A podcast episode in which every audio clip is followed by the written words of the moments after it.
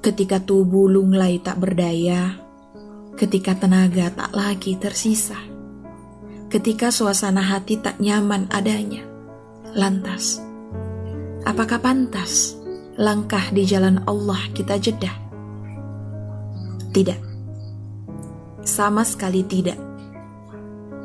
Ketika kita ingat betapa indah nasihat Imam Syafi'i, ketika engkau sudah berada di jalan yang benar menuju Allah, maka berlarilah.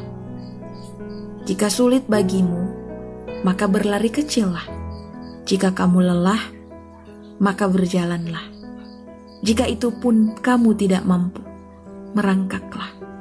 Namun, jangan pernah berbalik arah atau berhenti.